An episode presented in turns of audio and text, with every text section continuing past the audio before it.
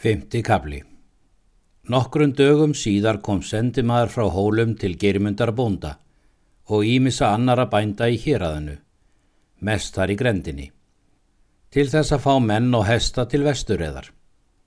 Germundur bóndi hafði lengi verið vinn mikill Jóns biskups, fyrir því leitaði nú biskup hans og bað hann að ljá sér són hans til vestur fararinnar og hétt germundur því.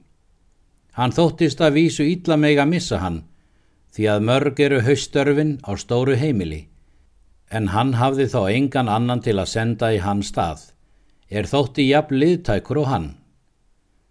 Svo var umtalað að biskup gerði mönnum aðvart þegar farardagur væri ákveðin og áttu þó allir að komað hólum og hefja svo förina þaðan í einum hóp.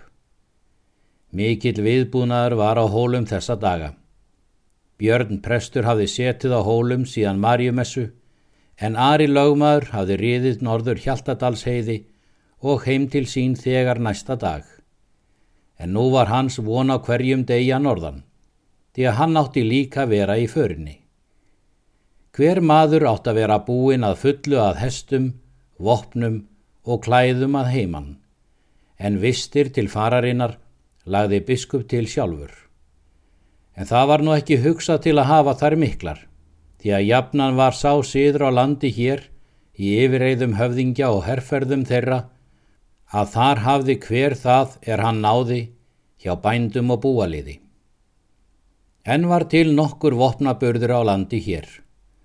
Báru menn talsvert bæði sverð og spjót, en bissur voru fáar, en það voru þær þungar og óþægilegar í vöfum í þá daga og afar seinlegt að hlaða þær.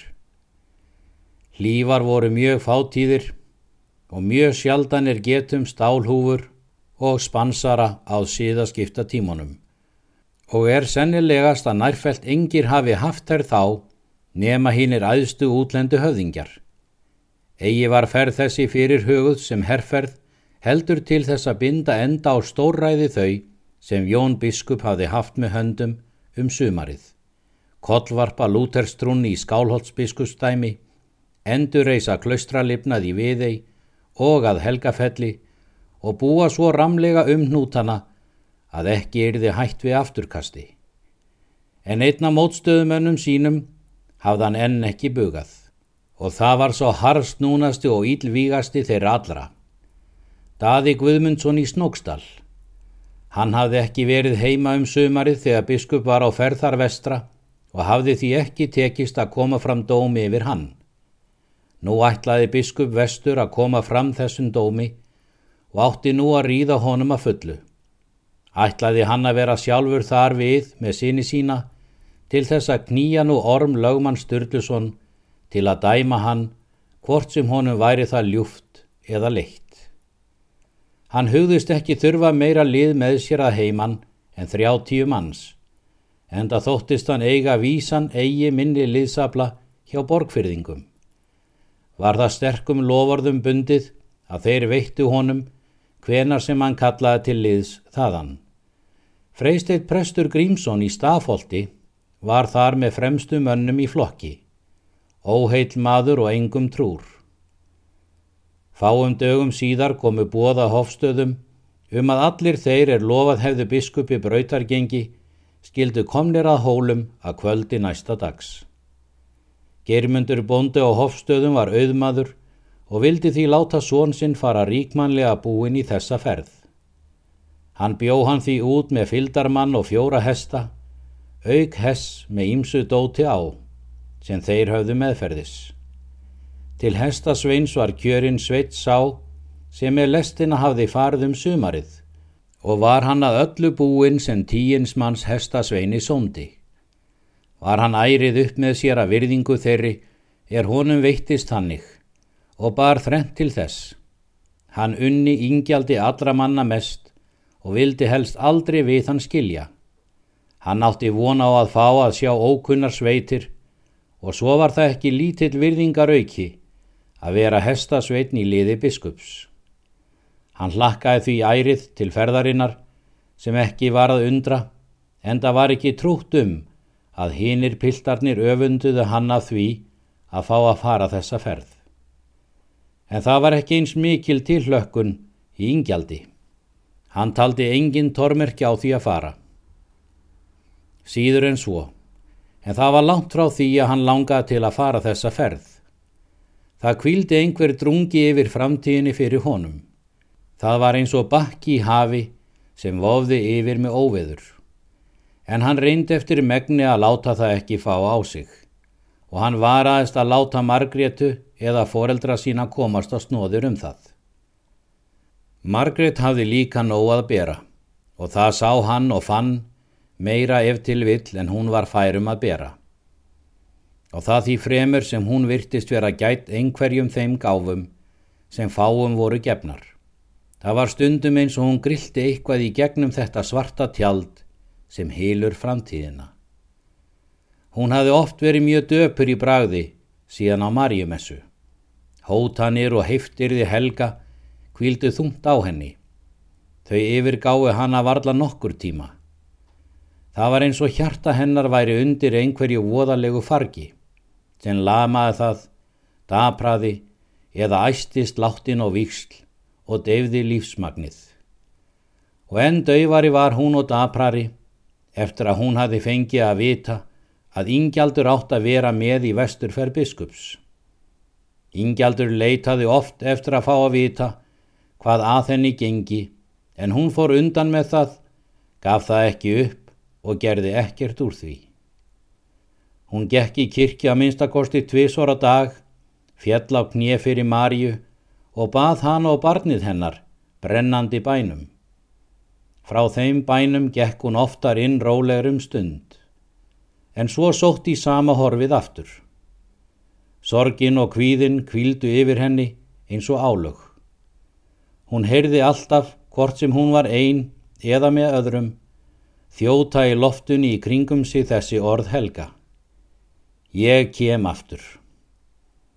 Heyrði hvernig þau kvinu út á milli tannan á honum eins og hann kvæsti þeim út úr sér. Og þó að það ætti að kosta blóð, heyrði hún hann segja. Það var ekki að tala um blóð annar en ingjalds. Það stóð engin á milli þeirra nema hann.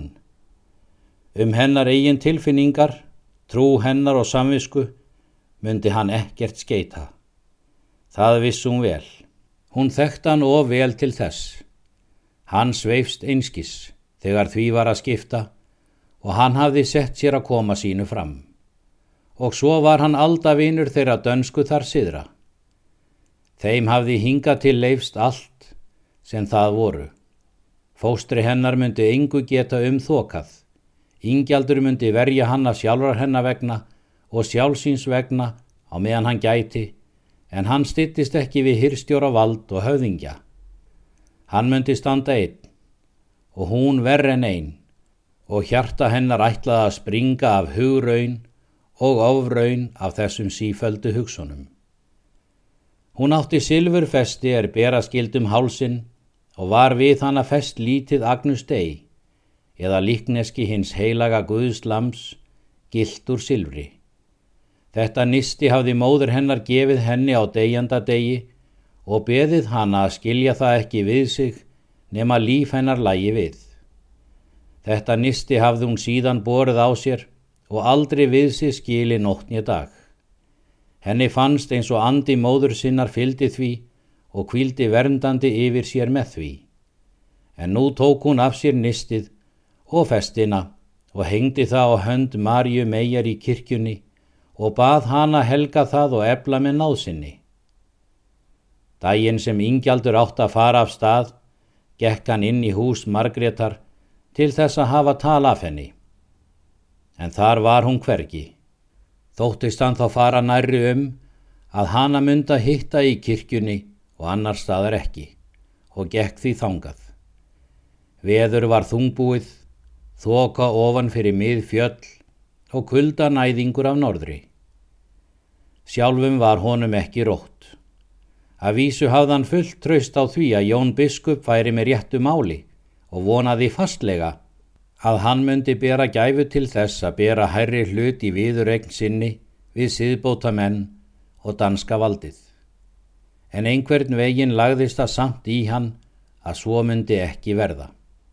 Hann sá það og skildi það vel að þið danska konungsvald hlaut að vera og var máttugra en lítill flokkur manna á Íslandi og það þó að hann hefði bæði blessun páans og fylgi helgra manna með sér.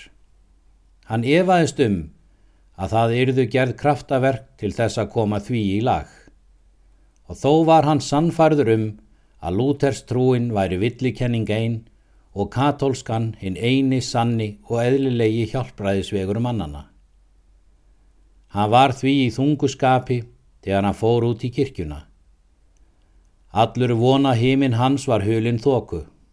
Hann fann að hann stóð nú á einhverjum vegamótum en gatt hvergi fundið vegamerkin og svo gekk hann inn í kirkjuna. Þegar hann kom inn eftir gólfi fram kirkjunar sá hann þegar að Margrét satt inn í einsta sæti, stúkunni til vinstri handar, einmitt þar sem þau hefðu setið, þegar þau töluðu saman um nóttina sem þau hefðu komið úr kaupstanum, bæði, og hann hafði unnið henni eigðin.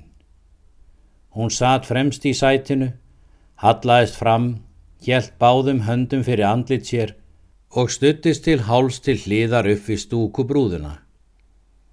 Þegar Ingjaldur kom inn leitt hún upp. Það var auðséð að hún hafði grátið, en nú grétt hún ekki. En augun voru döpur og gljáði á hörundið neðan við þau. Þegar hún sá hver kom inn, færði hún sig innar í sætið og breytti út báðar hendur á móti Ingjaldi. Hann settist þegar niður hjá henni. Hann tók vinstri hendinni yfir um hanna, en hallaði henni með hinni upp að brjósti sér og klappaði henni mjúklega á kinnina. Hún let hann gera sem hann vildi en svaraði varla blíðu allótum hans. Það var eins og hún væri svo líkamlega og andlega magþróta að hún gæti það ekki. Nú er ég í þann vegin að fara, elsku góða mín. Það verður að vera svo. Já, ég veit það, svaraði hún í hálfum hljóðum. Ég veit það verður ekki hjá því komist og svo veistu hvað til stendur þegar ég kem aftur. Og það kemur aldrei til þess. Forlaugin okkar begja hafa fyrir huga það öðruvísi. Heldur þau það? Ég held að forlaugin hafi leitt okkur saman til þess að það band verði innsiklað í haust. Nei, forlaugin hafa leitt okkur saman til ógæfu, en ekki til gæfu. Ógæfan kvílir yfir mér af því að ég trúi svo innilega á það sem vorrar tíðar menn er að kasta frá sér og mín ógæfa dregur því með sér. Nei, nú segir þau ekki satt. Jú, ég trú á Guð, á Maríu og barnið hennar af öllu hjarta og ég trú á þig með allri þeirri elsku sem ég á til og er ekki einmitt þetta ógæfan mín? Nei, svaraði Ingjaldur, og reyndi að gera sig gladan í málrónum, þó að orð hennar hefðu gert honum enn þingra í skap henn áður. Nú fer gæfan bráðum að brosa við okkur.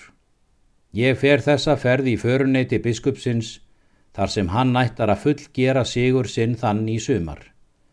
Og svo kemur hann sigri hrósandi heim aftur og þá renn upp gleði dagarnir fyrir okkur. Þá verður ógæfan sem þú hefur hræð svo mikið í sumar Rókin burt eins og reykur og við fáum að lifa saman glöð og ánægð.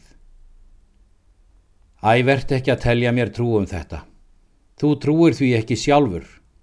Þið hittist bræðurnir í þessari ferð. Hvernig ætti það að verða? Hann fór söður en við förum vestur í dali. Já, þið hittist nú samt. Því miður hittist þið. En er það þá svo hættulegt þó að við hittumst? Ó Guð forði því að þið hittist. Manst ekki hvað hann sagði seinast þegar hann fór burtu. Hann var reyður og hefur sagt meir en hann myndi. Nei, hann var reyður og sagði það sem hann myndi. Það er enn blóð á millikar bræðrana. Er það blóð annars hvors okkar? Það veit ég ekki. Ég er hætt um það. Ég trúi því ekki.